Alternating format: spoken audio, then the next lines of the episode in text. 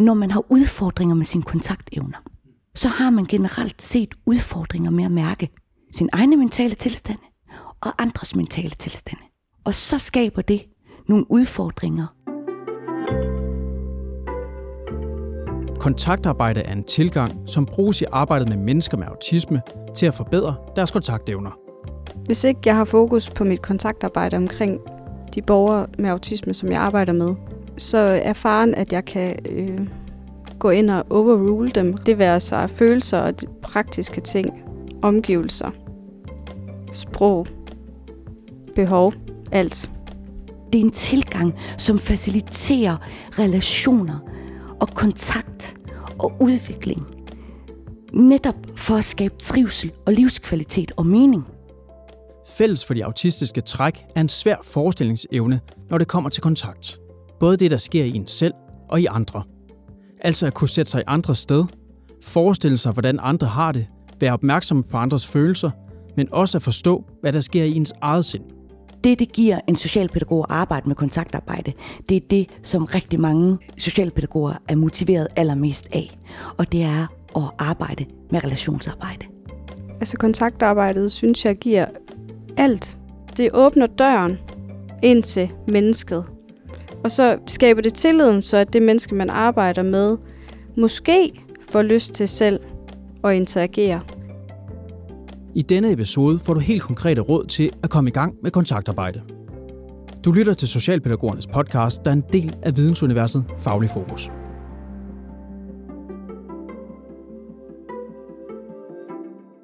Første gang jeg besøger Thomas, der er han 14 år, og det er cirka halvandet år siden. Majbrit Lindved Larsen er socialpædagog på Autismecenter Syddanmark i Kværndrup på Fyn. Derudover arbejder hun som konsulent for en anden kommune, hvor hun to gange om ugen besøger Thomas. Han er 16 år øh, og har fået autismediagnosen ret sent i livet. Jeg mener, han var omkring 14, øh, hvor han får Asperger-diagnosen.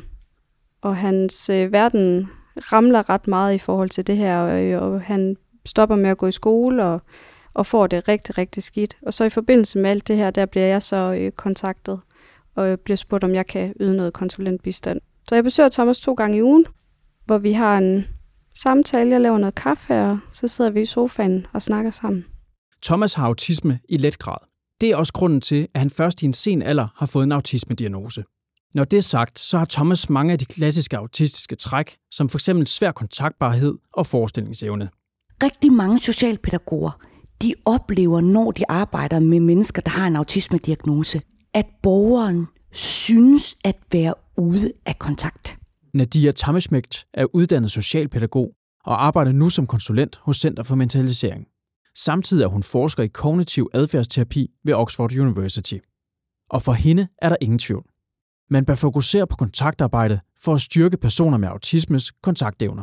Formålet det er at gå ind og sige, lad os styrke, hvad der er indefra. Og når man så er hæmmet i sine kontaktevner, så er det jo rigtig svært at få ytret sig. Og så er det rigtig svært for socialpædagogerne at forstå, hvad indefra perspektivet i bund og grund er. Og her, der kan vi altså undgå rigtig mange gissninger, formodninger, gæt og synsninger, når det er, at vi kan gå ind og arbejde med kontaktevner.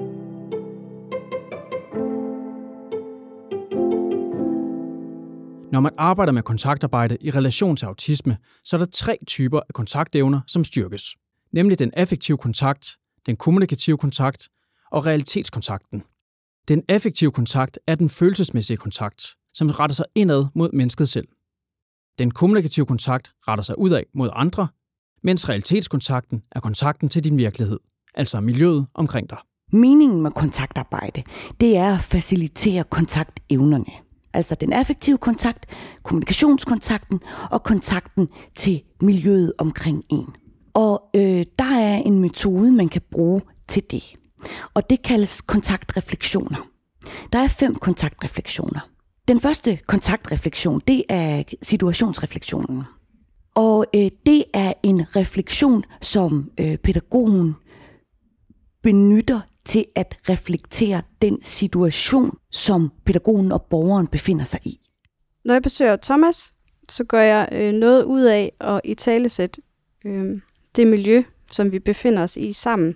Og øh, øh, i Thomas' familie har de en kat, øh, som nogle gange er der, andre gange ikke er der. Og Thomas er rigtig glad for den her kat. Det er Thomas' bedste ven.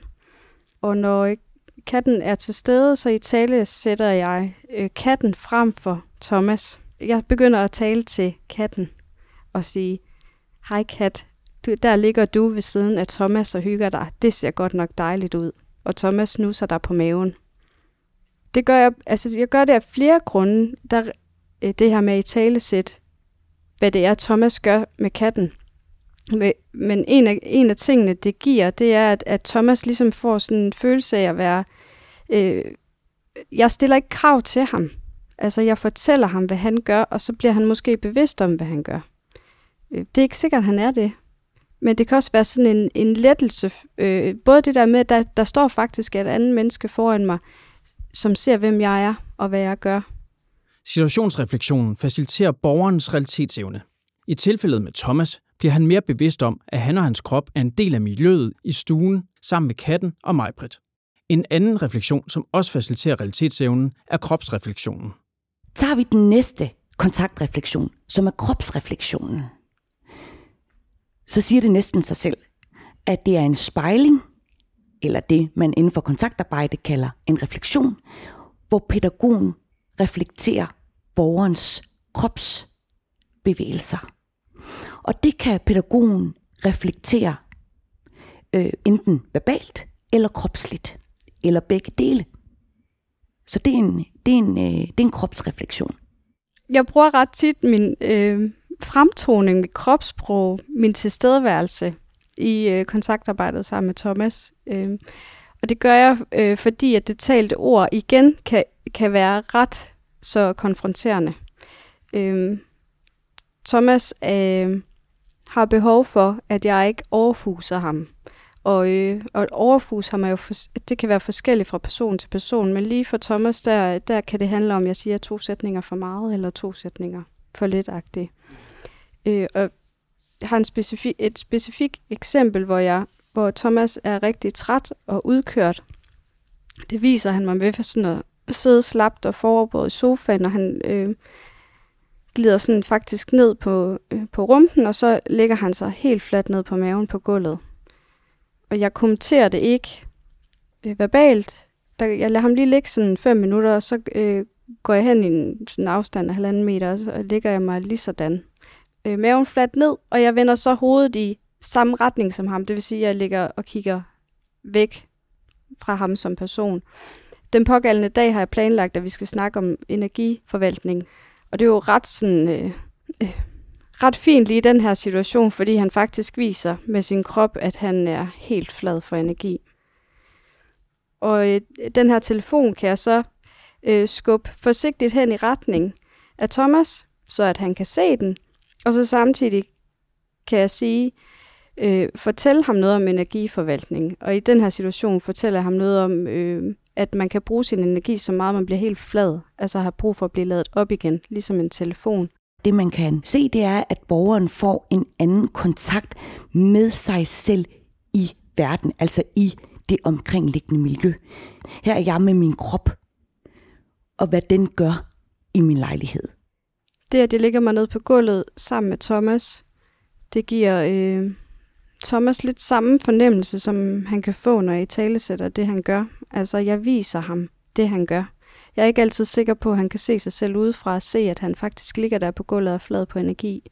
Jeg ved faktisk ikke, hvad han forventer, eller om han har behov for at udstråle noget, men jeg viser ham i hvert fald, hvad han gør, i forhåbning om, at han får en forståelse af, at det er det, han gør. Og så passer det jo bare i den her sammenhæng rigtig godt med, at vi skal snakke om energiforvaltning. Fordi det er det, der er i spil. Mens de to førstnævnte refleksioner altså styrker forståelsen af miljøet eller virkeligheden omkring personen med autisme, så går den tredje refleksionsøvelse, ansigtsreflektionen, ind og arbejder med den affektive kommunikation, altså evnen til at forstå følelser. Den næste øh, kontaktreflektion, det er ansigtsreflektionen. Og det er præcis den samme tilgang, som der er med, med kropsreflektionen, hvor det er, at pædagogen kan reflektere øh, borgerens ansigtsudtryk, både være kropsligt eller verbalt. Altså, Thomas har ret store udfordringer i forhold til det her med at holde øjenkontakt. Det er noget, han også fortæller mig ret tidligt i vores forløb, at han har svært ved. Altså, at han er opmærksom på, at det er det, man gør. Som menneske, når man sidder sammen med andre, så holder man øjenkontakt, men han vil gerne lige fortælle mig, at det, her, det, det magter han ikke. Det har han virkelig svært ved. Og det er ikke, fordi han lyver, men altså, for det har han læst på Google, at hvis man er dårlig til at holde øjenkontakt, så kan det være, fordi man lyver.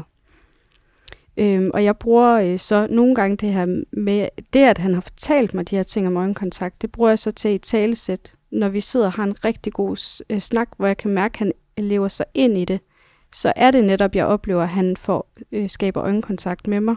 Så kan jeg finde på at sige efterfølgende, da vi snakkede om håndbold, der oplevede jeg, at du kiggede mig ind i øjnene. Hvordan var det? Og det faciliterer øh, den affektive kontakt. Det er fordi, at vi ved, at mange følelser bliver afspejlet i ansigtet.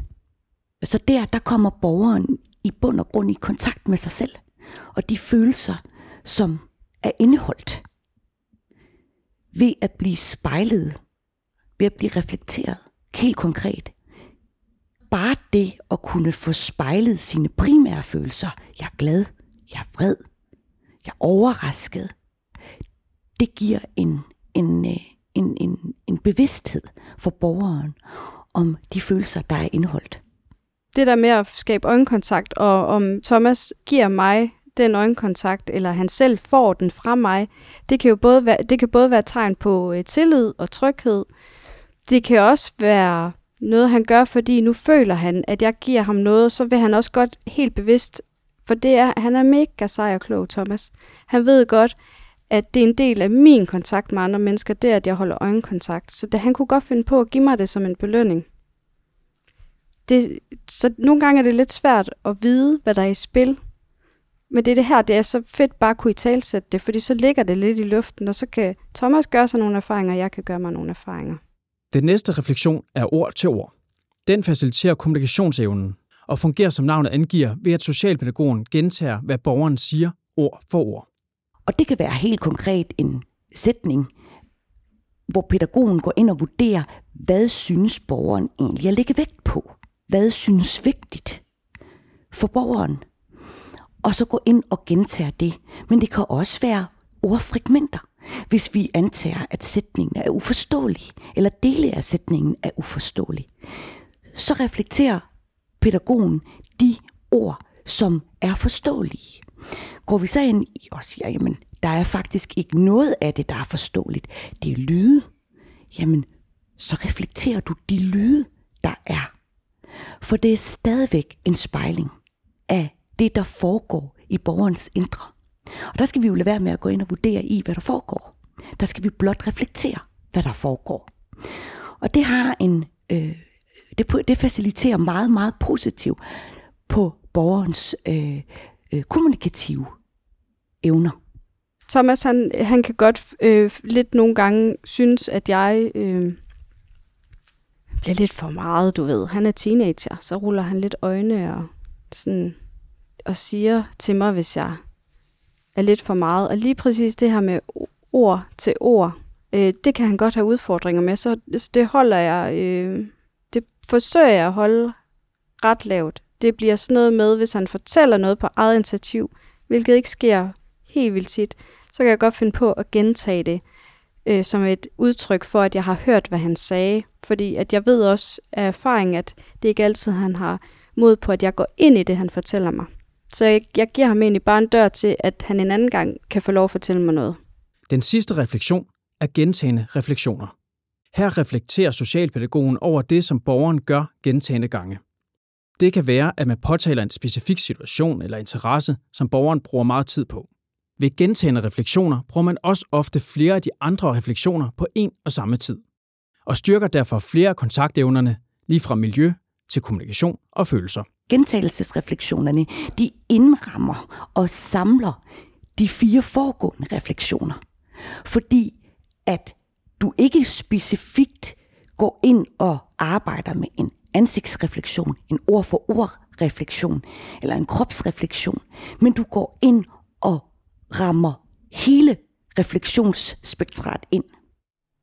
I mit arbejde sammen med Thomas drager jeg nogle gange sådan, øh, vores erfaringer sammen med, som sådan et udtryk for, at, øh, at jeg stadig kan huske. Fordi jeg ved, at Thomas han er helt vildt skarp på det her med, hvad han har oplevet, og hvad vi har oplevet. Og, og sådan, så at hvis jeg ligesom fortæller ham noget, som vi har oplevet, eller noget, jeg har lagt mærke til, nogle detaljer, øh, for et år siden for eksempel, så, øh, så, så giver det mening for Thomas, at jeg fortæller det som sådan en slags blåstempling af vores relation.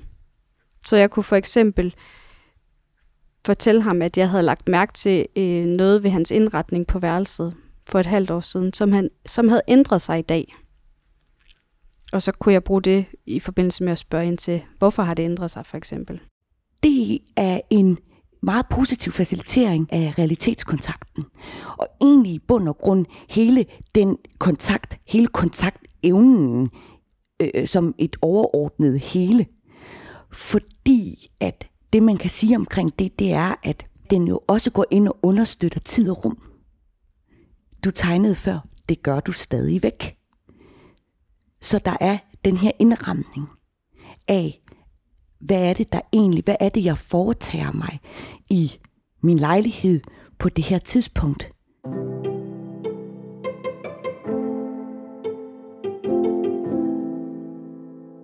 Majbrit Lindved Larsen har nu besøgt Thomas i halvandet år. Og selvom hun godt kan se små forandringer i Thomas' kontaktevner, så er det vigtigt for hende at slå fast, at det er et langsigtet og sejt træk at arbejde med kontaktarbejde.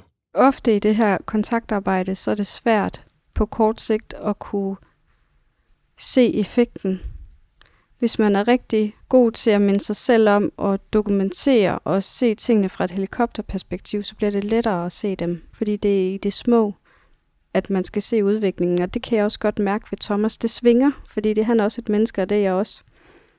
Så øh, jeg synes, det svinger effekten af vores arbejde sammen. Men jeg minder også mig selv om, at, at jeg behøver ikke at kunne se effekten nu. Jeg, jeg, jeg putter noget på, og så skal han bruge det til det, han vil. Det tager bare længere tid, end vi selv regner med, og det tager også længere tid, end hvad omgivelserne regner med, og det skal vi være øh, rigtig gode til at kommunikere ud. Majbrits og Thomas' relation har ikke ændret sig væsentligt. For ham er hun stadig den professionelle socialpædagog, og ikke hans ven. Der, hvor der er sket den største ændring, er i stedet et endnu vigtigere sted, nemlig Thomas' relation til hans familie. Vores relation, den, jeg tror, den bliver ved med at være, som den er. Det er i kraft af hans øh, udfordringer, at jeg er fagpersonen, der kommer og jeg er der øh, i et tillidsfuldt forhold. Han forstår, at han kan bruge mig som talerør, øh, både til forældre og til fagpersoner rundt om ham og andre. Øh, men jeg kan se effekten øh, på det familiære, synes jeg, at, øh, at familien generelt agerer anderledes omkring Thomas. Øh, også at Thomas han måske er blevet bedre til at give udtryk for, øh, hvilke udfordringer han har, og hvordan at familien kan hjælpe ham, når han får det svært. Jeg tror, han gør det med en anden tryghed i sin bagage, så at han har lært og erfaret nu, at når han siger noget, så bliver han hørt for den, han er, og med de udfordringer, han har. For Nadia Tamishmekt, der gennem sit arbejde som konsulent møder mange personer med autisme, er der ingen tvivl. Kontaktarbejde gør en mærkbar forskel. Når et menneske med autisme bliver mødt af en socialpædagog, der arbejder bevidst med kontaktarbejde, vil med garanti opleve større trivsel, større bevidsthed i den grad en facilitering af kontakt og kommunikationsevner. Ifølge Majbrit giver det god mening, at kontaktarbejde virker. For stærk relationsarbejde er enormt vigtigt for at kunne sikre de rigtige betingelser for at kunne møde personer med autisme. Jeg ved, fordi jeg har erfaret det, at det giver plads til mennesket. Og det, det skaber bare de helt rigtige betingelser. Så er de forskellige som mennesker, og det er ikke altid på, på grund af deres, der hvor de ligger på spektret. Det er bare deres menneskelighed. Jeg forsøger altid, og det er lige meget hvem, at se mig selv udefra, først og fremmest. Altså, hvordan møder de mig, eller hvordan møder jeg dem? Det er ligesom grundopskriften, at øh, at jeg skal være så lidt konfronterende som muligt. Jeg er her ikke for min egen skyld. En ting er, at kontaktarbejde gør en forskel for de personer med autisme, som det bruges på. Men for mig, Britt, er det mindst en lige så vigtig ting, at hun bliver en bedre socialpædagog af at bruge det i sin hverdag. Det styrker min vågenhed, og det her med, at det er ikke, jeg skal minde mig selv om, at det er ikke farligt at tage ansvar. Vi er jo som pædagoger sådan ret øh, all-round, vi kan det hele, og vi skal kunne det hele. Og det kan vi også godt. Vi er bare måske lidt bange for at sætte ord på det, vi gør, sådan helt konkret, fordi så fanger bordet lidt. Altså det er i hvert fald det, jeg tror, at frygten godt kan være. Og hvis man tør ligesom at træde steppet ud, og så gøre det her med at være sådan lidt mere bevidst omkring, hvad man gør, hvornår og sådan, så, så skaber det bare en meget større overvågenhed. Det en socialpædagog helt konkret får ud af at arbejde med kontaktarbejde, det er, det giver dem en mulighed for at kunne aflæse mennesker, der har en autismediagnose. Det giver dem en mulighed for at forstå.